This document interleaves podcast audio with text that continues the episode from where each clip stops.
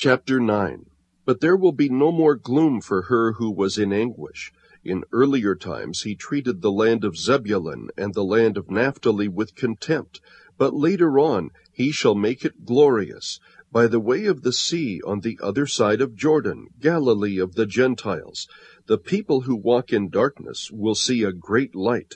Those who live in a dark land, the light will shine on them. You shall multiply the nation, you shall increase their gladness. They will be glad in your presence, as with the gladness of harvest, as men rejoice when they divide the spoil.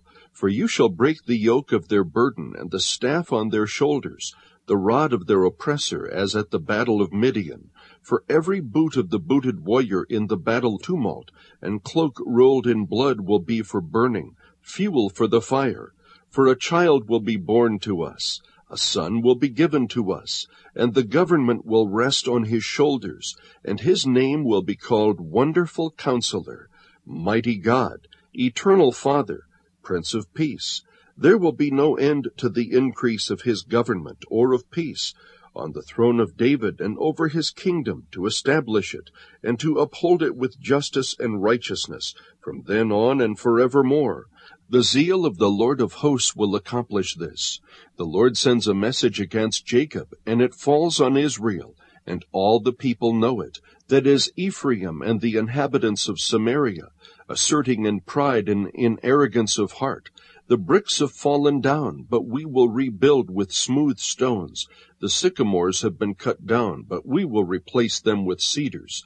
Therefore the Lord raises against them adversaries from Rezin, and spurs their enemies on, the Arameans on the east, and the Philistines on the west, and they devour Israel with gaping jaws. In spite of all this, his anger does not turn away, and his hand is still stretched out.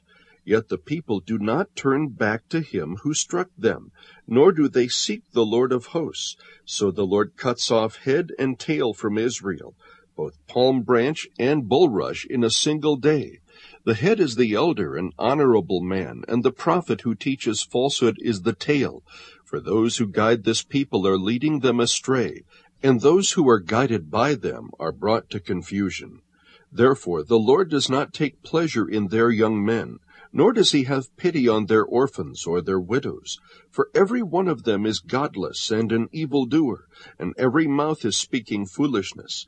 In spite of all this, his anger does not turn away, and his hand is still stretched out. For wickedness burns like a fire, it consumes briers and thorns, it even sets the thickets of the forest aflame, and they roll upward in a column of smoke. By the fury of the Lord of hosts the land is burned up, and the people are like fuel for the fire. No man spares his brother. They slice off what is on the right hand, but still are hungry and they eat what is on the left hand, but they are not satisfied. Each of them eats the flesh of his own arm. Manasseh devours Ephraim, and Ephraim Manasseh, and together they are against Judah. In spite of all this, his anger does not turn away, and his hand is still stretched out.